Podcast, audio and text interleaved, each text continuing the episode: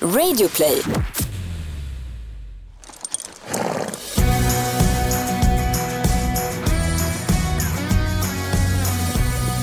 Varmt välkommen tillbaka till ridklubben. Hej Rebecka. Hej ponnyägaren Gry Forssell. oh, det får du inte säga att det är Nicky som äger ponnyn. Aj, förlåt, förlåt. Ponnymamman Gry Forssell. Vi har ju nu, det är, jag skulle vilja säga att det är den här podcastens fel eller förtjänst att vi äger en ponny. ja, det och lite Lotta Björe. På så många sätt. För grejen var så här, när vi började med den här podcasten förra året ja. så träffade vi Lotta Björe. Nej, Agnes är du ledsen? Ja, så är lilla gubb. Oj. Hon tycker inte det är så kul att podcasta. Nej, men vi träffade ju Lotta och Kajsa Björe var hemma hos dem. Och jag sa att Nicky, jag har en dotter som rider och att kanske när hon är 12 kan vi börja fundera på ponny. Ja, men precis. För du hade fått ponny när du var 12 va? Nej, men vi köpte den när jag var 11 och då tänkte jag väl att det var, jag vet inte riktigt. Jag har bara fått för mig att man ska behöva längta och ja. kämpa och kunna ta ansvar och allt det här. Men då höll hon ett brandtal för att är hon så intresserad och rider så mycket som hon gör, älskar hästar så mycket som hon gör, kör på. Ja. Och då gjorde jag det. Det tycker jag gjorde rätt Och då hittade lustigt nog Lotta Björe då en ponny som var helt perfekt. peppar peppar, vi får ja. väl se. Ja. Men nu har vi blivit med ponny, det är jättespännande. Men den är ju urgullig och det har gått jättebra och den var UA liksom på besiktningen. Och så det känns ändå som att det var lite meant to be så att säga. Och vi var också besiktade hos veterinären Axel som du också kan höra ett, ett avsnitt med här från säsong ett. Veterinären Axel Wallman som eh, är, är fantastisk. Verkligen. Så att den här, det kanske är podcastens ponny. Jag ska döpa den till ridklubben. Ja. eh, vi vill passa på nu på en gång och tacka Scanbio Stallpellets för att ni sponsrar så att vi kan få göra den här podcasten. Ja, men helt fantastiskt. Man kan gå in på scanbio.com och kolla allt man vill veta om den här produkten. Det är alltså sågspån ihoppressat i pellet som man använder. Och det som är härligt med tycker jag med sågspån, man kan ha massa olika underlag, man kan ha torv och allt möjligt. Men det som är härligt med sågspån är att det blir en härlig känsla i stallet tycker jag. Ja men verkligen, det är ljust och det är fräscht och det har en bra uppsugningsförmåga och nej, men det blir ett väldigt eh, härligt klimat. Ja, det tycker jag verkligen. Ja. Så tusen tack för att ni är med oss här på ridklubben. Dagens gäst är ju väldigt inspirerande och är väldigt, väldigt nyfiken på Felicia Grimmenhag. Ja, men jag med. Så det är ju omvälvande när man får en bebis. Ja. Så är det. det är mycket känslor i kroppen och det kan liksom vara ups and downs. Och då när man träffade Felicia då känner man så att det finns ju inga hinder. Nej, faktiskt inte. För det var den 13 juni 2011 som då var sommarlovets första dag. Felicia hade precis gått ut ettan på gymnasiet och körde sin moped och ska svänga vänster och det kommer en bil ur en kurva genom en svacka eller hur det nu var. Mm. Och som kör alldeles för fort och kör rakt in i Felicia som skjutsar sin kompis och det blir en jättekrock. Mm. Och vi kommer att prata om den förstås. Och hon fick inte bara, alltså hon, hon blev väldigt, väldigt skadad. Hon tappade båda benen. Mm. Hon hade hjärtstillestånd i en kvart. Ja. Och det är helt otroligt att se den här livskraften som hon besitter. Och det var också efter den här olyckan som hon bestämde sig för att börja rida. Det var ja. inte så att hon red innan och tänkte jag ska fortsätta. Utan var... Nej, hon hade ju ridit lite på ridskolan när hon ja. var liten, typ så här tio år och slutat och inte ridit på flera år. Men så bestämmer hon sig efter olyckan att jag ska upp på hästryggen igen. Och nu är hon aktuell för Paralympics och hon ja. rider helt otroligt bra. Gå in och följ henne på Instagram, vet jag, Felicia Grimmenhag heter hon där. Men nu säger vi välkommen till ridklubben till Felicia Grimmenhag. Tack så mycket, kul att vara här. Hur är läget? Jo men det är väldigt bra. Jag känner mig väldigt glad och alert och det känns som att livet leker lite grann just nu. Hur länge har du ridit? Sen du började rida ordentligt, om man bortser från när du gick på ridskolan när du var liten, när du liksom började rida, rida. Mm. Hur länge är det nu? Uh, ungefär fem år har jag ridit nu. Uh, så det är inte jättelänge och det har varit först och främst dressyr och faktiskt western. Så att, uh, fem år skulle jag säga. Men så ramlade du av här för ett tag sedan oh. och gjorde illa dig. Vad var det som hände då? Eh, jag ramlade av eh, min ena häst Fabbe som jag inte har kvar idag och eh, han blev rädd för någonting och sköt iväg åt sidan. Jag hamnade på snedden och så blev han rädd för att jag hamnade på snedden så jag hamnade i backen. Och det var ganska, ja, först trodde jag inte att det var någonting. ni vet hur det är, så här, man bara, ja, men jag har väl fått någon muskelskada eller någonting. men sen så när jag skulle röra på mig så kände jag att det gjorde väldigt ont och då visade det sig att jag hade brutit lårbensnacken kan man säga. Eh, så jag låg med ja, brutet ben i fyra, fem dagar. Vänta, eh. du har inga ben? Alltså hur kan du bryta benet? Nej, men lårbensnacken. Liksom Vad är precis, det? Jag har aldrig talat om det. Nej, jag vet inte ens ifall det är ett riktigt begrepp så det var läkarna som sa det till mig. Eh, men det är liksom precis under eh, den här höftkulan kan man säga. Ah. Så att den var helt av och då fick jag två alternativ. Antingen så ja, får det läka så av sig självt och troligtvis kommer det kanske inte läka så bra för mina ben eh, i benen är ganska porösa för att jag inte använder benen för att jag har amputerade ben. Eh, eller så fick jag sätta in en höftkuleprotes och då så valde jag att sätta in en höftkuleprotes. Och då så fick jag återhämta mig den och egentligen så var det inte själva den som behövde återhämta sig men muskulaturen behövde läka. Så då fick jag riduppehåll i tre månader. Hur blev du då? Åh, jag blev knäpp. Nej, men jag var ju ute i stallet fortfarande i princip varje dag nästan eh, och hjälpte till. Och, eh, men jag gjorde så här grejer som jag kanske egentligen skulle göra, släppa bommar och grejer. Så här. Eh, bara för att de har sagt jag, jag får specifikt inte rida på hästen. men allt annat kan jag göra.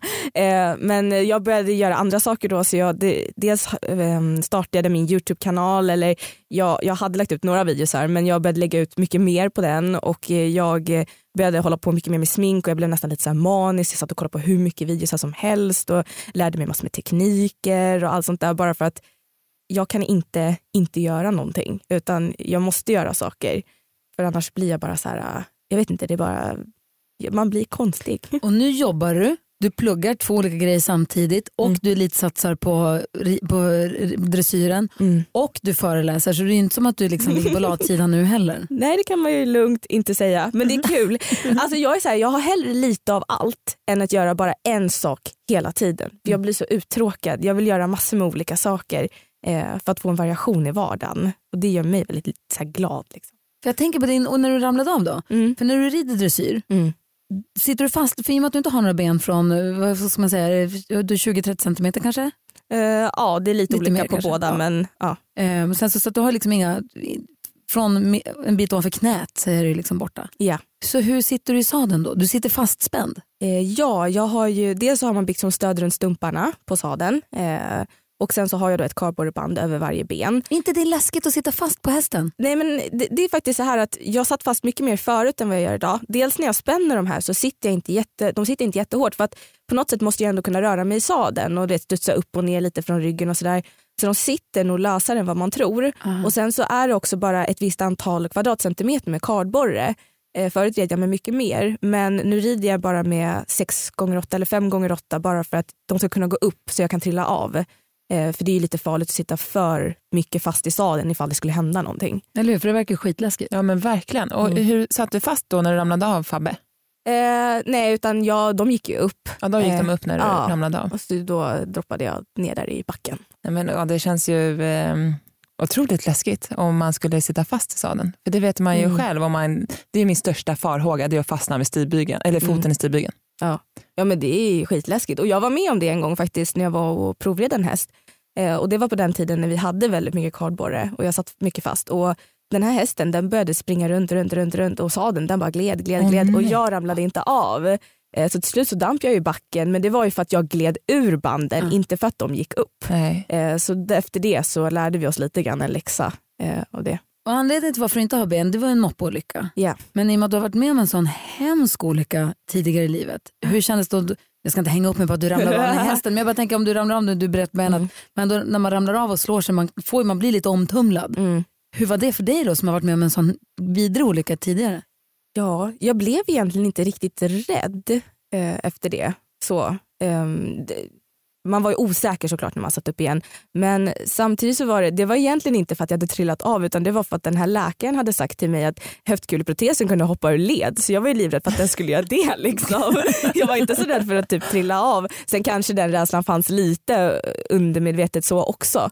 Ehm, men jag red ju då min andra häst Tarot som jag känner mig otroligt mycket tryggare på. Så, eh, så att eh, ja, där, där är det ganska tydligt hur mycket det betyder att lita på sin häst också. Visst blir man impad när man ser Felicia rida för hon rider ju så jäkla bra. Jag tänker om du rider så pass kort. Ja, men så alltså, rider skitsnyggt. Verkligen. Alltså, ja. jätte... Du måste ju också hitta din egen liksom, teknik. Hur ja. tänker du kring, eh, kring det? Ja men det är klart, vissa saker som jag inte kan göra som eh, andra kan göra, det måste man hitta andra strategier för. Jag får till exempel ta med understödjande tygeltag istället för att använda skänklarna. Eh, och man får, man får ju hitta andra vägar och ibland så blir det lite hej och hå kanske. Eh, så blir det för oss allihopa. Ja, alltså ja men det är ju så. Och alla skiljer sig nog mycket mer från varandra än vad man tror. För många tror säkert att jag skiljer mig otroligt mycket mer. Men jag tror egentligen inte att jag gör det. Så. Men för Eh, du har ju två, en pisk i vardera hand Ja. istället egentligen för eh, skänklar. Ja. Pekpinnar. Pekpinnar, förlåt. Men hur, och jag tänker hästarna, hur Mm. liksom reagerar de när du har precis köpt dem och ska liksom lära dem hur du rider? Eh, det är väldigt olika från häst till häst. Ja. Eh, vissa är ju mycket mer känsliga för spöna än andra hästar. Ehm, men som Tarot till exempel, han, var så här, han fattade ganska fort vad jag ville och allt sånt där. Och sen kan han istället vara så att han blir lite lat eh, för att han tycker att det blir lite bekvämt eh, när inte skänklarna är där. Eh, så att för honom är det hela tiden att hålla honom känslig för spöna. Ehm, men jag upplever inte att han är svårare på något sätt att rida med spöna. Eh, att det var så svårt. Hur gammal var han? Han var köpte dem? 14 så han var inte så här jätteung heller. Eh, utan han var ju riden på ett specifikt sätt i 12 år. Exakt. Eh, så det är ändå ganska kul. Och sen så, ja, mina andra hästar, de yngre, de har varit mer känsliga för spöna. Och där har varit en lite längre inkörningsport eller period så Ja. eh, kan jag uppleva. Men ja. Men vad skulle du vilja ge oss då, vi som har hela vägen skänklar ner? Mm. Alltså jag tänker mig att vi kanske använder vikthjälpen och sitsen lite för lite i ridningen. Verkligen. Vi kanske skulle Mm. kunna använda oss av det mer. Har du något ridtips till oss? Eh, ja, ja, dels gäller det ju, man säger att man ska använda bålmusklerna och magmusklerna. Men det är ju inte alla magmuskler man ska använda utan det är ju ofta några specifika magmuskler som man ska använda mest. Och det är ju lite de här nedre magmusklerna. Och det jag gjorde för att hitta dem ordentligt det var att jag la mig på ryggen och sen tryckte jag ner ryggen i marken. Och när man gör det då hittar man lite de här musklerna som man ska använda i ridningen. Det gör jag nu hela tiden för det är så mamma mageövningar. Ja. Jag har precis fått barn. Så det är, liksom, det är lite de musklerna man ska använda och sen bara vara följsam tror jag. Eh, och inte hålla på och sitta och klämma för att jag tycker det är jättebra att ha skänklar. och Jag skulle jättegärna ha skänklar för jag kunde. Men att när du använt skänklarna släpp dem så att inte du sitter och trycker lite hela tiden för det är inte så schysst mot hästen att göra det. Det där får jag tänka på hela tiden för jag har ju ändå en överskänkel på vänstersidan och ibland så märker jag att jag sitter och trycker med den utan att jag liksom Ja, så trycker jag tarot lite hela tiden och sen när jag släpper den då slappnar den av. Då blir det så här, nu släppte trycket. Liksom. Mm. Eh. För han tror att du inverkar då hela tiden. Ja Eller precis, liksom att han bara, men jag flyttar ju. Exakt. Jag, jag, jag rundar mig runt din skänke, vad mer vill du? Liksom. Jag bara, oj förlåt. Och han bara, åh gud vad skönt, nu släppte hon. Man blir imponerad när man ser det, för jag har kollat på det på Instagram och jag har sett den här minidokumentären på SVT mot alla odds där man kan få följa det i stallet. Och vad var det Nicky, min dotter är tio år, hon sa, men blir hon inte helt trött i armarna efter ett tag? För man får ju ta i så mycket med armarna och dra sig och sådär. Mm. Men det är ju, ja, jag vet inte vad jag undrar om det egentligen. Är det jobbigt? Eh, ja men det är klart, och vissa dagar är man ju tröttare än andra dagar. Sen så har jag i stallet har jag till exempel en elrullstol så de här drivhjulen de hjälper till och driver lite Ja. för att underlätta. Och sen så ser man till att anpassa så att man inte använder. Och sen så tränar jag på gym i alla fall en två, tre gånger i veckan för att underhålla och för att förebygga så att det inte blir så mycket slitage. Och jag vet att många så här, hästmänniskor de kan vara så här, men jag behöver inte gå på gym för jag håller på och bär massor med spånbalar och höbalar och jag mockar. Jo, fast det där är väldigt ensidig träning eh, och Och sliter mycket väldigt mycket. slitageträning Ja, skulle jag jag säga. menar hur ofta mockar du åt båda hållen? Nej, exakt. och, och så vidare. Liksom. Så att allt det jag gör på gymmet det kompenserar för det jag gör annars. Liksom. Så. Ja, men ridning måste ändå vara en bra träningsform tänker jag. För att man använder liksom lite hela kroppen och man verkligen jobbar med en balansen och att man är mitt över hästen och fördelar liksom vikten ja, men jämnt på båda sidor om hästen. Ja men så är det ju definitivt. Och för mig är det jättebra till exempel för rumpa och lår som jag har lite svårt att träna annars. Så. Eh, det gör den absolut bästa träningen och för magmusklerna också skulle jag säga. Och kondition faktiskt.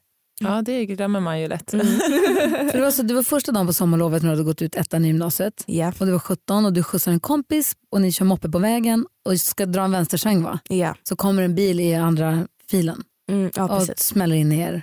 Och din kompis klarar sig bra, tack gode gud. Mm. Och du däremot blir ju illa tilltygad alltså. Kan du berätta vad du hade för skador? Det är ju helt vansinnigt när man hör. Ja, nej men eh, det, var, det gick ju väldigt fort eh, med den här bilen. Den körde väl i alla fall 120 km i timmen så det var väl inte konstigt kanske med alla skadorna. Men jag, förutom att båda benen var, de var i princip får man säga, avslitna. Eh, de, det fanns ingen chans att rädda dem så det blödde väldigt kraftigt. Men förutom det så hade mina lungor kollapsat. Eh, jag hade brutit mitt vänstra lårben på två ställen, jag hade brutit mitt bäcken på tre ställen, jag hade en jätteallvarlig krossskada på vänstra handleden. Jag hade brutit tummen, jag hade frakturer i högerarmen, revbenen, mjälten, höften, mjukdelsskador, jag hade dragit isär ligament i ryggen. Och sen när jag kommer in då så har jag förblödit och eh, det finns inget blod kvar i min kropp och det här gör att mitt hjärta stannar. Och, Så du dör ju faktiskt Ja. Och, eh, i, i 15 minuter. ja. det är ganska sjukt. Det är faktiskt helt sjukt. Jag får ju Ja. rysningar och sen så fick de fart på hjärtat igen Mm. och här sitter du nu. Det är ju, Ja. helt, det är ju bananas ju. Ja, det, det, det är lite konstigt. Minns du någonting av det? Eh, alltså, jag har en bild av att det står två skuggor ovanför mig eh, och den ena som bara står och ropar mitt namn om och om igen. Och jag har hört i efterhand att det var det här min kompis gjorde på plats. Men jag trodde att det var en dröm. Så jag vet inte ifall det är en dröm eller ifall det var på själva olycksplatsen. Så. Mm. Ehm, ja, men jag är ganska glad tror jag att jag inte kommer ihåg någonting. Det hade nog varit ganska jobbigt tror jag att se allting. Men hur känns det att prata om sånt här i efterhand? Känns det bra eller känns det lite ledsamt? Eller? Nej, jag, jag tror att det kanske har att göra med att jag inte kommer ihåg någonting eller för att jag berättat det så mycket. Så jag känner mig ändå ganska trygg i det. så. Och, ehm, jag tror att ibland är det viktigt för folk, och, för folk kanske inte alltid förstår hur allvarligt det har varit när man ja, men är amputerad eller så. Ehm, men däremot så tycker jag det har varit lite jobbigt att prata om hela min familj. Eh, det har varit den jobbigaste delen. Att prata om dem eller? Eh, ja precis, att prata om dem till exempel om jag har föreläst då brukar jag ibland prata lite grann om vad som hände just under när jag opereras efter Mm. själva olyckan och då brukar jag prata lite om hur polisen kommer att hämta min mamma och sådär. Och det kan ibland slå mig mycket hårdare på något Ja. sätt för att liksom på något sätt kan jag ibland må dåligt över att jag utsatt dem för det här. Eh, Men det kan du, det kan du inte ta på Nej fast det, det är det man gör liksom för det är de man Usch, älskar. Och, ja, men, ja. Har du några syskon? Ja, jag har två stycken. En lillebror som är två år yngre och en lilla syster som är nio år yngre. Ja, okej. Mm. Så att, eh, det har också varit ganska tufft för det har känts lite grann som man har tagit mycket tid från dem. Liksom. Och eh, ja, det har blivit så mycket fokus på mig hela tiden. Och det har ju varit ganska Fast du tufft kan inte be om ursäkt för att du Nej. har överlevt. Har? Nej, nej, nej, nej, absolut inte. Alltså. Men, men det, det låter ju kanske lite sjukt men det är väl också för att man älskar dem så mycket som man liksom, Det låter väldigt Mm. empatiskt och omtänksamt av dig men det är, ju- så kan du inte bära med dig det. nej. Gud jag börjar nästan grina nu när jag börjar prata om det. Det är okej. är okej. Ja. Ja. Men och hur, för jag tänker då när du vaknade på sjukhuset Mm. så måste det ha varit en chock och bara att du finns kvar och bara få veta Men att du inte har fattar något man hur ben nära det är att man inte var det? Förlåt men alltså, Ja. förstår man det? Får man det perspektivet där? Nej, gud nej, det förstår man verkligen inte. Utan det var ju, först förstår man inte, man är bara chockad. Och jag drömde ju väldigt mycket mardrömmar och jag hade ju så här dödsångest för jag trodde att jag skulle dö. För att, eh, ja, men man, man förstår verkligen inte. Och man får ju så mycket smärtstillande också så man är ganska hög. Mm. Eh, Men det roligaste var att två dagar efter de hade börjat väcka mig så hade jag pratat med en kurator. Så hade de frågat mig, ja, men, typ, hur känns det efter allt det här? Och då hade jag sagt, ja det är tråkigt det som har hänt men det finns de som har det mycket värre. Eh, Gud, vilken inställning. Ja. Vem är hon? Ja, och, jag, och jag brukar säga så här, alltså visst det var ju inte regnbågar och enhörningar efter det men samtidigt så tror jag någonstans där, redan där hade jag bestämt mig för hur jag skulle tackla den här situationen. Eh, även fast det såklart var jättetufft. Men var kommer den inställningen? Är det din familj då? Är det därifrån du har fått den här? Jag vet inte. Jag tror dels har jag alltid varit ganska positiv och driven av naturen och alltid varit en sån här, jag kan själv och jag ska göra själv. Och, men jag tycker om att bevisa lite grann, speciellt när någon säger att jag inte kan göra saker. Då, då åker hornen fram. Alltså. Eh, så att jag tror att det är det. Och sen har jag alltid, min mamma uppfostrar mig till att bli en problemlösare. Jag har alltid fått lösa mina problem själv och tagit mig ur knepiga situationer själv om jag inte absolut behövt hjälp. Och det tror jag också har hjälpt mig väldigt mycket att eh, vara en problemlösare och, och se möjligheter och inte bara det jag inte längre har utan okej nu har jag det här att jobba med. Vad gör jag? Hur gör jag? Eh, så att, eh, det kommer nog lite av naturen men också lite grann av min uppväxt tror jag. Det känns som att jag avbröt dig mitt i en fråga där. Vad var det du ville fråga för någonting? Jag minns inte längre. jag var så fascinerad och jag måste nog ta lite inspiration av dig tror jag.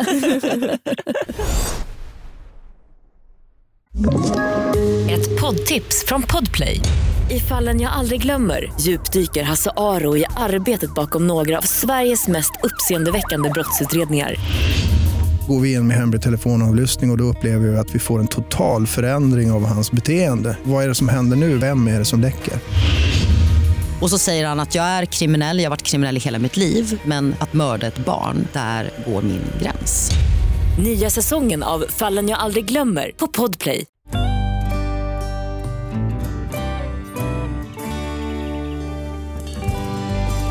Och då bestämde du i alla fall för att börja rida Mm. ganska snart efter olyckan och sa att nu ska vi börja rida här. Mm. Och nu har du tävlat EM Ja. och satsat på OS. Ja.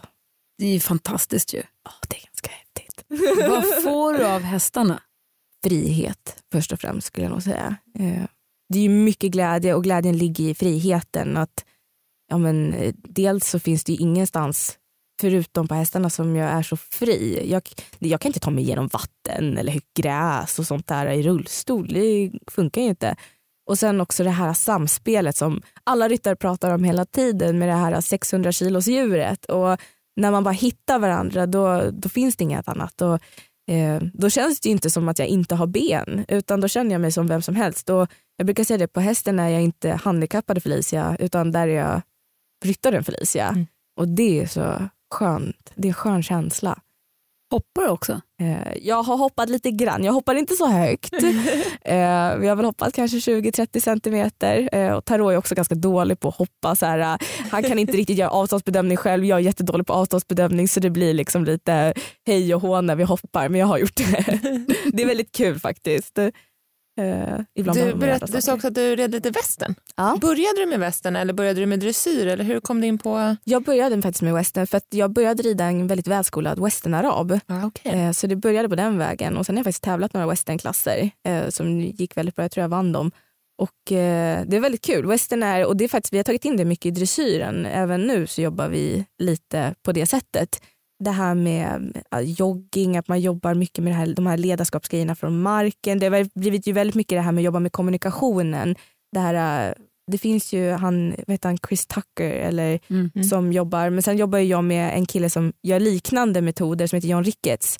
Eh, där man jobbar mycket med hästarna från marken och utsätter dem för saker för att de ska lära sig hantera situationer där de blir rädda eller stressade och så Jag vidare. berätta, vad gjorde ni senast? Ehm, Jag kände att min nya häst som jag har, en sjuåring, behövde sätta lite grunder för ledare. För den saknar lite grunder i hur den ska bete sig. Hur märkte du att den saknade grunder? Berätta. Hur, Därför liksom... att när den blir rädd så, för jag tycker det är okej att de reagerar, att de blir rädda på något sätt. Men det här när de blir okontaktbara eh, och eh, ignorerar eller fortsätter liksom hetsa, eh, det tycker inte jag är okej. Eh, utan då måste de liksom försöka fortsätta vara mjuka och lyssna. Eh, och det är det vi jobbar mycket med John då. Eh, då sätter han grunderna. Sen brukar vi jobba, vi gör det med tarot. Eh, men det är svårt att göra det med en häst som inte riktigt kan det här. Och eh, ja, då utsätter man dem för olika situationer på hemmaplan där de eh, blir, vad ska man säga, de blir ju rädda fast inte så pass rädda att det inte går att hantera. Men man utsätter dem för lite grejer, ofta till exempel pressändningar och sånt för det låter väldigt mycket. Eh, och Det handlar inte om att den inte ska bli rädd för pressändning utan det handlar om att den ska försöka fortsätta vara mjuk och avslappnad trots att den tycker det är lite läskigt. så. Eh, och sen hela tiden, så det börjar ju först med att de bara ska förstå konceptet och sen så hela tiden, det blir som en utbildningssteg eller skala så, som fortsätter uppåt. Eh, så att det är väldigt häftigt att se och man lär sig så otroligt mycket när man lyssnar på de här människorna som jobbar på det här sättet.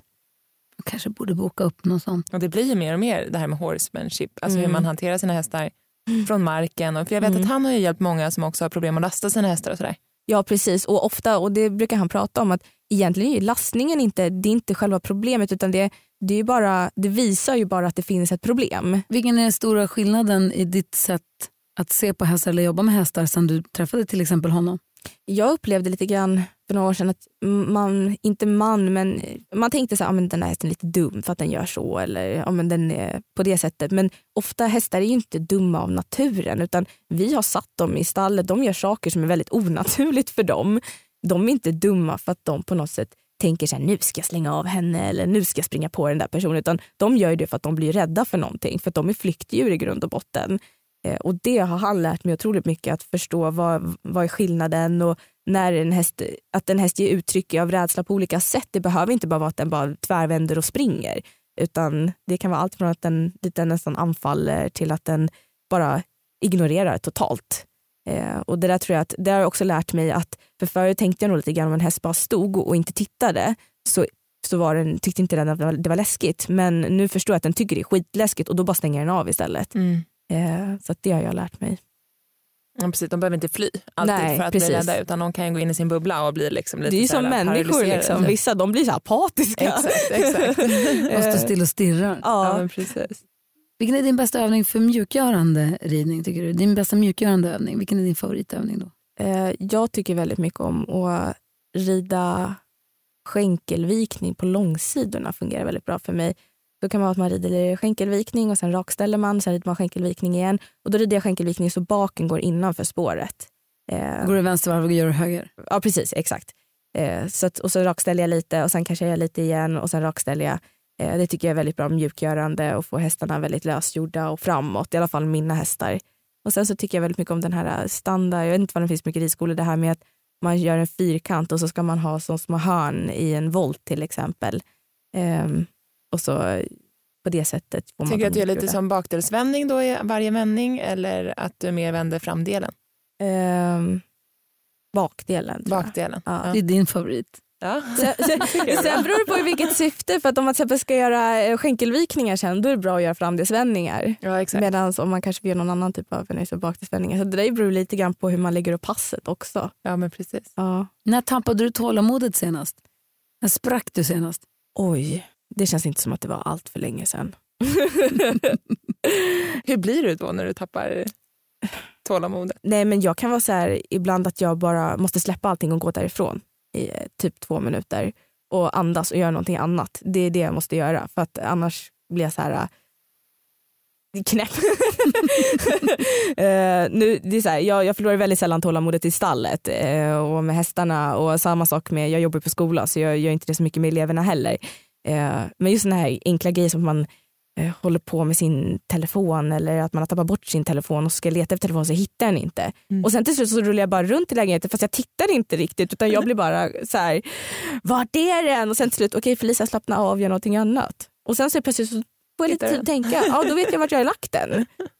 Så att, eh, ja, men det känns som att det kan ha varit igår eller i förrgår. Igår tappade jag tålamodet för igår hade jag så otroligt mycket att göra för jag har så mycket inför, jag ska åka på tävling nästa vecka och jag har dessutom elitidrottsskolan i helgen och ska liksom hinna tvätta allting och jag ska, har liksom arbeten som ska in och allt sånt där så att ibland måste jag bara sätta mig i två minuter och ta en mental paus för att man liksom måste landa lite innan man fortsätter. Ja, du håller onekligen busy om man säger så. Ja. Du ska ju då alltså, vad är det för tävling du ska på nu? Eh, det är en vanlig internationell tävling men vi ska samla kvalpoäng inför Paralympics. För det är det du siktar på? Ja. Hur ser OS-satsningen ut? Eh, jo men eh, vi, eh, vi planerar att vara med i Paralympics. eh, och jag tänker att jag ska vara med Tarot. Min, eh, det är den enda hästen som egentligen är aktuell. Så att, se till att hålla honom fräsch. Eh, åka och träna och ha upp bra plan för honom. Så, och ehm, det ser väldigt lovande ut. Sen kommer vi köra lite tävlingar nästa år. Uttagningarna sker väl i juni. Först kommer vi veta i januari ifall Sverige har fått med en trupp till Paralympics och efter det kan man ju sen lägga upp kanske lite planen så. Och hur stor är eh, konkurrensen? I, I, Sverige just nu så är vi inte jättemånga som ligger på den absoluta toppnivån. Vi har tappat några ryttare vilket är jättetråkigt. Um, så vi kanske är fem, sex stycken just nu. Uh, så jag tycker att mina chanser är ganska goda. Så. Hur kom det sig att du bestämde dig för att elitsatsa på ridningen? Det var inte som bara att du tänkte att jag ska börja rida nu efter det här. Utan... Nej, jag ska bli bäst. Ja, ja precis, jag ska bli bäst. uh, nej men det började nästan lite jag började säga att jag skulle till Paralympics långt innan jag egentligen hade förutsättningarna eller hästarna för det. Eh, så det var väldigt kaxigt för mig att säga det. Men samtidigt så eftersom jag var så kaxig så var det många som började intressera sig för mig. Och jag, jag var med i ett program som heter Extrema ögonblick för fem år sedan tror jag som sändes på SVT och det var innan jag ens hade en häst. Och eh, det roligaste var att då sitter de och jag ska säga massor med mål som jag har inför framtiden och till slut så säger de så här, men kan inte du säga att du ska vara med i Paralympics? Och jag har suttit på en häst då i kanske två, tre timmar, jag var helt slutkörd och jag bara okej okay, fine jag säger ja ah, jag har mål att vara med i Paralympics. Här. Och jag kommer ihåg efter det så skrattade en av mina kompisar åt mig och sa bara ska du vara med i Paralympics? Och jag, jag säger inte att det var det som startade allting men jag vill ändå tro lite grann att det var där som det föddes. Att, men vadå? Säger du att jag inte kan vara med i Paralympics? Då ska jag, då ska jag vara med i Paralympics. Kolla på mig då, jag rider in. Jag bara fem år senare sitter här, är aktuell. Så att, ähm, ja, vad säger du nu då David? Shit vad inspirerande måste jag säga.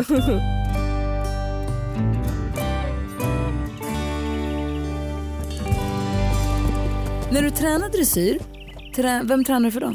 Eh, I nuläget så tränar jag för Tinne eh, på Lövsta, vilket eh, är jättekul. Och, hon är en väldigt rolig tränare på det sättet att hon har väldigt mycket idéer och tankar och hon är väldigt också så problemlösare och om, vi, om det är någonting som inte funkar så försöker vi på något annat sätt. Och hon är också väldigt skön för hon, hon skiter lite grann att jag inte har min funktionsnedsättning utan hon bara kör på tills jag stupar ungefär. och det är det jag gillar. Eh, det är de tränarna som jag tycker är skönast att träna för, de som utmanar mig. Men och hur, eh, jag tänker så här lite ridknep. Mm. Hur gör du när du fattar galopp? Jag, eh, jag rider väldigt mycket med rösthjälper Mm. med mina hästar och vi är väldigt konsekventa i vad vi använder för rösthjälper. Så att jag använder klickljud när det är skritt, jag använder smackljud när det är trav och när vi galopperar så använder vi pussljud. Ehm, så jag brukar ofta uppmärksamma till exempel Tarot, då säger jag ofta hans namn och då blir han uppmärksam. Då vet han ofta att det är galopp på gång. Ja. Och sen så sitter jag ner som man tänker att man ska göra en galoppfattning. Ehm, Jag tänker att eh, yttre skänken ska bak fast det blir bara med mina vikthjälper och Mm. sen så pussar jag med munnen och så fattar han oftast rätt galopp. Hur har du lärt honom det från början? Longerar du dina hästar och Eh. liksom försöker lära dem dina rösthjälper där? Eller? Mm, ja precis, Min- medhjälpare longerade dem speciellt mycket i början Mm. eh, just för att sätta de här rösthjälperna. Eh, De lär sig faktiskt väldigt fort. Och det funkar eh, även fast inte du. Jag tänker att det blir olika typer kanske av tonlägen och röster och sådär. Nej, men så länge det är väldigt olika distinkta ljud. Mm. Det är en annan sak märker man när, för det kan man märka på vissa hästar mm, när folk andra kanske har ridit som inte brukar rida mina hästar och så sitter de och smackar och så klickar de och så gör de alla möjliga sorters ljud och hästarna blir nästan lite förvirrade, typ Mm. vad är det du vill? Ehm, men ehm, ibland kan det vara till och med så här att mina medryttare kan vara såhär, det här går inte, jag bara men använd det här ljudet då. Och då är det plötsligt så bara, jaha, Ja. var det det här du ville? Men det är Varför rätt- sa du inte det då? Men det är rätt häftigt ändå hur man kan få hästarna med sig med så små hjälper. Alltså, Ja. Det kan bara vara rösten eller liksom. Ja, och egentligen så tror jag att ju mindre hjälper man använder och desto mer, bara man är konsekvent Exakt. så tycker nog båda parterna att det är mycket skönare. Ehm, och jag får akta mig så att jag inte sitter och använder rösthjälperna för mycket för då blir det ungefär som att man sitter och skänklar hela tiden, att det blir lite tjat. Ja. Så att det där får jag hela tiden tänka på. Hur låter skritt? Och trav? Och så blir galopp? Du ser. Så Mm. häftigt. Det brukar jag när jag longerar neogrishäst. Mm. Då, eh, när vi kö- kör galopp och jag vill att han ska samla galoppen, då, jag- Mm. då samlar han sig, då kortar han galoppen och så smackar jag på lite, då Ja. länger han ut sig. Och det är Ja. rätt häftigt hur mycket man kan jobba med, med rösten. Men sen Ja, vi, så när vi, jag tävlar dressyr då får jag inte använda rösten. Nej. Men det får du göra när du tävlar Ja, dressyr. jag har dispens, så jag får göra det. Får alla göra det som tävlar? Eh, I paradressyr, Ja. det måste stå på ens medicinska kort att man får använda rösthjälperna så alla får inte göra det tror jag. Nej. Jag, jag blir lite osäker nu. Det Ja, finns vissa grejer som alla fall. får göra det. Ja, Ja. jag får göra det. Ja. Är dressyrprogrammen anpassade efter ryttarna eller ens förutsättningar eller är det samma program för alla? Eh, jo men man kan säga att de är lite anpassade för vi sätts in i fem grader beroende på funktionsnedsättningar. Eh, så jag rider ju mot folk till exempel som har MS eh, och andra typer av funktionsnedsättningar. Eh, men man anser att kroppen ungefär fungerar lika mycket så. En MS-person eller en person med MS har ju mycket mer nedsättning i hela kroppen. Jag har ju bara nedsättning i benen. Så då kan vi tävla, i sam- tävla i samma och så ja, då har vi skritt trav. Vi galopperar inte i våra ordinarie program men däremot får man göra det i kiren. Så gör vi skänkelvikningar, bakdelsvändningar, vi ryggar, vi gör volter, 8 meters volter, 10 meters volter och så vidare. Och mellantrav. Och eh, de som har lite mindre funktionsnedsättningar rider svårare program och eh, sen har vi till exempel ettorna som har väldigt svåra funktionsnedsättningar och de skrittar bara eh, i ja, med olika typer av skritt och så vidare. Olika rörelser. Har du tävlat i dressyrtävling mot folk som har ben? Ja, det har jag. Jag kan tänka mig att du står dig jävligt bra. Eh, ja, men det tror jag ändå. Det började med att jag tävlade mot icke funktionshindrade. Ja. Det var så det började. Och speciellt när jag, eftersom jag inte kom sist, jag kom i så här 9 av 20 starten tror jag, då fick jag lite så här blodad tand. Men jag har, jag har tävlat upp till ett A. Eh, och eh, jag kommer ihåg den senaste jag red med Tarot, den gick inte alls bra. Han var jättespänd och han lyssnade inte. Och Ja, det vart inte så bra men vi red ju ändå på 63 procent så vi, ja, vi låg väldigt bra till i startfältet men jag var ju långt ifrån nöjd. Liksom. Eh, vi hävdar nog oss ganska bra så och tanken är att vi ska komma upp med medelsvår nu i höst efter de internationella tävlingarna har slutat. Det är i alla fall målet. Det är lite kul att utmana sig själv och göra lite mer avancerade saker än vad man kanske gör i paraprogrammen. Verkligen. När du åker runt, du föreläser ju för folk. Mm. Vad har du för inriktning på din, på din eh, föreläsning då? Eh, Det kan vara lite olika beroende på ifall det är en ridskola eller ifall det är en vanlig skola eller ifall det är företag. Men mycket pratar jag om vad jag varit med om och min resa tillbaka. Och eh, sen såklart om ridskolor så pratar man mycket häst och så vidare. Jag brukar prata mycket om utveckling. Det här. Jag brukar ibland visa en kortfilm som jag satt ihop från det att jag började rida för fem år sedan till nu. Det är en väldigt stor eh, utvecklings eller en brant kurva. ehm, och prata lite grann om det här med målsättning och det här hur viktigt det är att se hela tiden vart man har varit, var man är nu och så vidare. Så det blir ju lite mental träning nästan inbakat i det här ofta. Eh, och det upplever jag ofta väldigt uppskattat. Eh, och sen såklart drar jag egna erfarenheter och paralleller till det hela tiden och så, så att det blir mer konkret. Eh, tanken är väl ofta att det ska vara kanske mest inspiration men jag vill ju såklart att folk ska ta med sig verktyg därifrån också. Mm. Vad, har du för, vad är ditt mål just nu? Kortsiktigt och långsiktigt? Och då tänker jag för dig själv, liksom ridmässigt och inte, för jag förstår att du vill till Paralympics. Mm. Mm. Men vad har du för kort och långsiktigt? Vad tränar du på nu när du rider? Eh, just nu så har jag tränat inför nästa tävling. Så det har varit, då brukar jag rida inte så mycket galopp till exempel utan jag rider mycket ja, men skänkelvikningar, dock inte kanske på de linjerna som jag gör i programmen utan andra. Just skänkel, skänkelvikningar är en väldigt svår, eh, ett svårt moment för mig för att jag saknar eh, skänklarna. Så att eh, den har jag arbetat mycket med och eh, sen bakdelsvändningar som jag ofta också haft lite problem med. Eh, de har faktiskt blivit mycket bättre än vad de var för några år sedan och ehm, ja, det är väl bara, det var den tävlingen och sen så kommer jag nog lägga upp en ny, ny plan inför lätta an och medelsvår sen så småningom. Då kommer det bli andra, en annan typ av träning eh, i vardagen på hästarna och sen så såklart så är det hela tiden ett hållbart, en hållbar häst. Eh, att Tarot ska vara fräsch och att han får vila ordentligt och allt sånt där. Eh, han är en sån här som utan problem skulle kunna vila två veckor och sen sitter jag upp och rider ett dressyrpass på honom. Eh, han är väldigt bra på det sättet. Så att, och det tror jag är viktigt för vi kan bli, ibland tror jag man blir lite överambitiös. Eh, speciellt med Tarot som är en häst som är väldigt tacksam att rida. Man får väldigt bra känsla ofta, även fast det kanske inte går jättebra så går det ofta bra. Eh, och då får man akta sig så att man inte, ja, men så att han också får återhämtningen. Och hur ser det ut, jag tänker, förlåt Gry, mm. hur, när en hållbar häst, ja. hur ser du på det? Eller liksom, hur eh, tränar du Tarot för att han ska bli en hållbar häst? Eh, jag ser till att han får gå på de underlagen som han går bäst på. Eh, för det första, försöka rida mer på de typerna av underlag. Eh, en, han, han trivs lite bättre på eh, underlag med, som ger liksom, lite så stöt, eh, stötdämpande och typ som hjälper honom. Nej precis. eh, och till exempel vår ridbana som vi har nere på, vid vårt stall, den, är ganska, den blir ganska stum emellanåt, mm. speciellt när den är torr och då får man inte rida där så mycket. Men samtidigt ska han ridas ut och då går jag på massor med olika typer av underlag för det tror jag också är viktigt. Hur ofta eh, rids han ut? vi försöker i alla fall minst en gång i veckan. Ja. Eh, sen ibland kan det bli flera gånger, ibland så blir det ingen gång. Det kan bero på lite. Mm. Eh, jag rider ju inte så mycket, eller jag börjar rida mer och mer ut i skogen men jag rider mest runt travbanan. Eh, och så. Men det är också lite mentalt för mig för jag blir ett knäpp efter ett tag om jag måste rida på dressyr på ridbanan hela tiden. Jag klarar inte av det.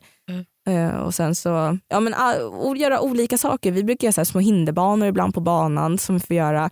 Vi rider slalom och sen ska vi backa i eld. Det är också lite grann från western. Mm. Eh, och vi gör sidepass och då går man liksom skänkelvikning kan man nästan säga i en bom.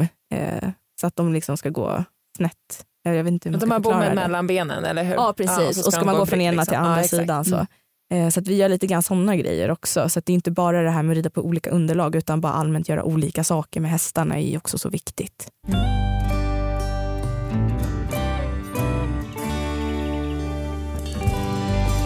Vi brukar ju ha någonting som vi kallar för bästa stalltipset. Mm. Och det kan vara allt ifrån eh, magisk borste till eh, något klädesplagg eller något hur man alltid gör inför tävling. Eller? Exakt. Har du något sådär super knep som du skulle vilja dela med dig av till alla våra lyssnare? Oj. du kan fundera lite på det. ja, Nej, men jag skulle nog säga vara, vara väldigt tydlig med hästarna i allting. För det börjar redan i stallet. Och, oavsett om du tar med det sen i hanteringen eller i ridningen. Men Ja, men som till exempel när jag sitter upp och ner på hästarna, då ska de alltid stå blickstilla tills vi säger någonting annat. Det är så här, de får inte börja gå iväg efter två sekunder för att de är uttråkade, utan de står där. Sen mutar vi väldigt mycket med godis vid av och påstigning, det får man göra. Eh, och eh, ja, sen en tränsning också. Det är också någonting som jag brukar göra, att eh, eh, ge godis vid tränsning för de är otroligt eh, ambitiösa, speciellt Tarot. Han, är så här, han bara står och hugger i bettet. Han blir så irriterad för jag brukar ofta rida med luva på honom och så håller jag på att sitta upp, sätta på luvan och han blir så irriterad på mig för att han bara sätter in bettet i munnen så jag kan få godis någon gång. Eh, eh, och sen har jag faktiskt också börjat tränsa åt fel håll. Jag vet inte om det är ett stalltips men eh, det är lite grann för att jag tror att de, vi hanterar dem så mycket på ena sidan och jag tänker att det kanske är ett sätt att, att oftast är de ju lite mer inte rädda, men jo lite mer rädda på högersidan. Och då tänker jag att det är ett sätt också att man börjar hantera dem mer på den sidan också. Smart. Och jag sitter ju av på högersidan. Jag sitter upp på vänstersidan och sitter av på högersidan. Varför? Eh, därför att jag har en ramp i stallet som gör att när jag rider, jag ställer dem, då sitter jag på vänster, sen när jag rider in så är rampen på andra sidan. så då sitter jag åt det hållet. Eh, så att göra allting åt lite åt båda hållen Sen, sen kan jag tänka mig att sitta upp på hästen från högersidan skulle vara skitsvårt. Alltså jag skulle aldrig klara det. Jag kan inte skriva på cykeln från fel sida. Jag har faktiskt provat att sitta upp här. Alltså, det är svårt. Det känns som att man ska tappa balansen och trilla baklänges. Det är superobehagligt. Som du säger, alltså, stå och tränsa från fel sida. Mm. Det vet jag inte om jag kan. Nej, fast du får ju testa. Jag testade att göra det på Taron nu för några dagar sedan. Har aldrig gjort det innan. Gick superbra. Han jag tror bara, man måste ju tänka lite mer. Allt annat går ju lite mer av rutin. Ja. Jag kan tänka mig att när man byter och ska göra från andra mm. hållet att då måste man kanske tänka efter lite mer vad man faktiskt gör. Ja, motoriskt blir det ju svårare. Exakt. Men eh, eftersom man alltid är konsekvent med hästen i att du ska ha huvudet här tills jag säger någonting annat så blir själva tränsningsmomentet alltså, mm. blir samma för hästen egentligen. Det är bara mm. att du står på andra sidan. Eh, så att, eh, nej, jag tror att det är bra att göra lite sådana där små saker. Och det är ganska tydligt också då eh, all träning som man lägger, annat hur konsekvent man är med hästen hela tiden, eh, hur mycket man får igen på det sen när man gör lite såna här konstiga saker. jag kanske är för slarvig, jag låter nog Neo, han, när jag kliver upp så tar han något steg eller två, bara skritta, inte att han drar iväg, man kanske bara går lite. Jag vet. det, det kanske man ska sluta låta honom göra. Ja. Mm. Men det är nog mycket man skulle kunna bli lite bättre på när det kommer till att vara konsekvent med sin häst. Åh, måste skärpa mig. Vi kan alla bli bättre på alltså, olika saker tror verkligen. jag. Ja, men att vara mer konsekvent med sin häst det tror jag mm. verkligen att alla kan, kan bli bättre på. Jag ja. Med. Och de känner sig faktiskt väldigt mycket tryggare då också Exakt. när allt är väldigt svart eller vitt. Så. När du är på ridskolor och pratar och träffar ridskolor och killar, mm. vad är det vanligaste, vad är det de vill fråga dig om då? Folk är lite blyga sådär kan jag uppleva eh, med att fråga saker. Jag har, ingen, jag har absolut inga problem med att folk kommer fram och frågar grejer. Sen behöver man ju inte fråga eh, precis vad som helst. Men jag har inga mm. problem med att folk frågar ifall det är vad som har hänt eller sådär. Jag tror bara att det är viktigt på något sätt. Eh, men jag kan inte komma på något så konkret att det är det här som de brukar fråga. Eh, de är oftast väldigt söta när de har sett mig rida för de är så här, du är så duktig på att rida och jag bara tycker att jag red som en kratta ett tag. liksom. uh, att, uh, ja. För nu föreläser du och så har du Youtube-kanalen och så satsar du på OS och kör mm. på järnet. Men hur var det att vara 17 år eh, och 18 år så småningom då, men 17 år och hamna helt plötsligt i, i rullstol och inte ha några ben och som jag tror du sa kanske på den här SVT-dokumentären att så här, det fanns inga direkta förebilder, kanske att man känner sig jävligt annorlunda över en natt. Mm. Ja men gud så var det ju verkligen. Och det är ju lite grann så här äh, när man är så i den åldern då har man inte riktigt hittat sig själv heller. Och så, jag skulle inte säga att jag hade jättedåligt självförtroende eller självkänsla så men någonstans såklart så ifrågasätter man ju kanske um, ja, men ifall folk fortfarande vill vara kompisar med en och ja, men det är mycket tankar kring framtida relationer överlag och helt ärligt jag blev ju faktiskt också dumpad när jag låg på sjukhuset. Du eh, skojar med mig. Nej, så att det var ju såklart väldigt tufft och då ifrågasätter man ju väldigt mycket. Um, så det är inte bara det här alla praktiska saker man inte längre kan göra som att gå och springa och sådär utan det blir ju väldigt mycket det här sociala också och hur man ser ut.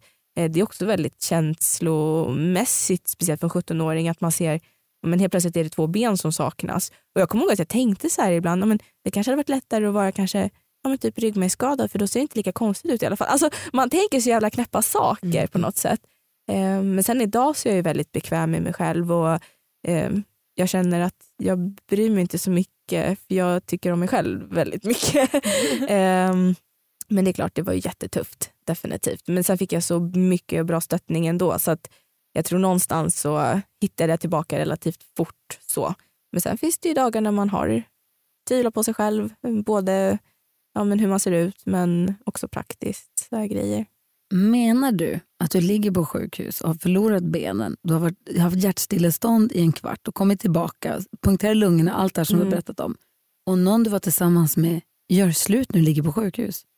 Ja. Det är fan det värsta, det är det, är det vidrigaste jag har hört tror jag. Fy, så Mm. hemskt Vad är det för... Vad, Ilskan. och jag fattar att det kanske är Petter, det är förstås en Ja, baggis ja. i sammanhanget, ja. en tonårskärlek och så Mm. vidare. Men hur, det, är, det är det värsta jag hört tror jag. Åh, men... Usch vilken hemsk människa, tur att du blev av med den. Ja, precis. Behöver inte den negativiteten i mitt liv. Verkligen inte. Mm. Men det är otroligt inspirerande att träffa dig och få prata med dig för du är verkligen så full av liv Ja, tack så och mycket. så full av energi Ja, men och man känner sig själv som en liten så här, Jag tänker, en sak till som jag tänkte på, där, när du då kände lite ensam och att du inte hade någon annan riktigt som var i samma situation som dig. Har du nu känt att du har kunnat inspirera någon annan? Ja, det har jag definitivt. Eh, många, och inte bara funktionshindrade utan vanliga, vad ska man säga, vanliga normalfungerande människor. Eh, mycket yngre tjejer som hör av sig till mig och berättar hur jag inspirerar dem, både kanske i ridningen men även i att jag eh, visar att det är okej att vara annorlunda och det är okej att man ser annorlunda ut och att man ska vara bekväm med sig själv också för att jag menar den enda som är så bra på att vara du det är ju du.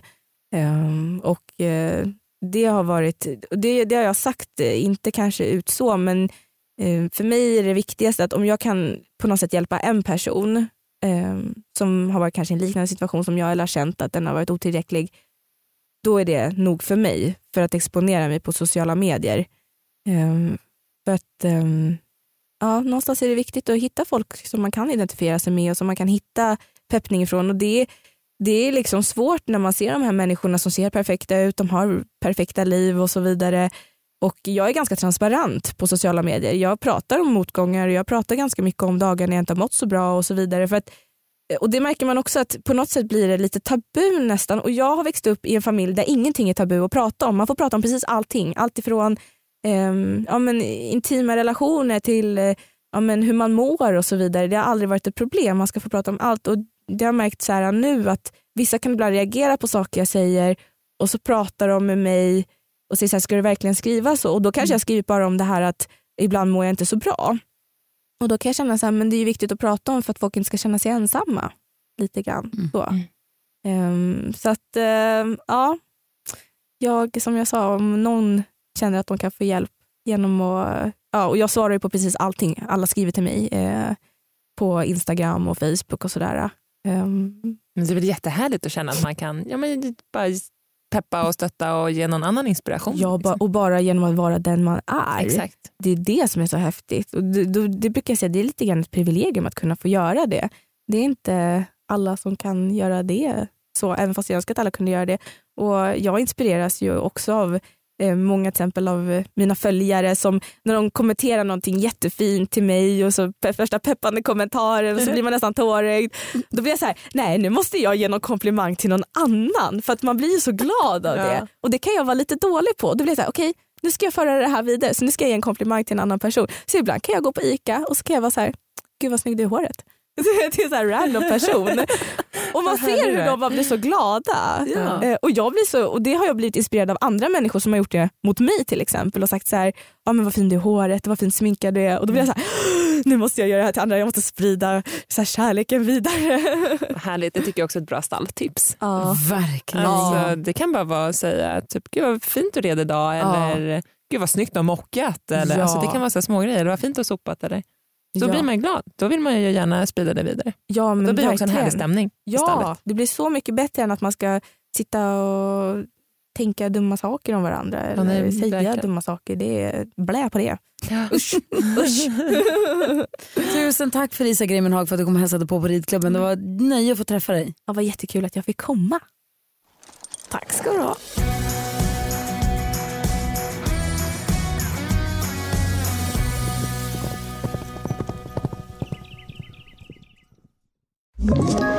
Ett poddtips från Podplay.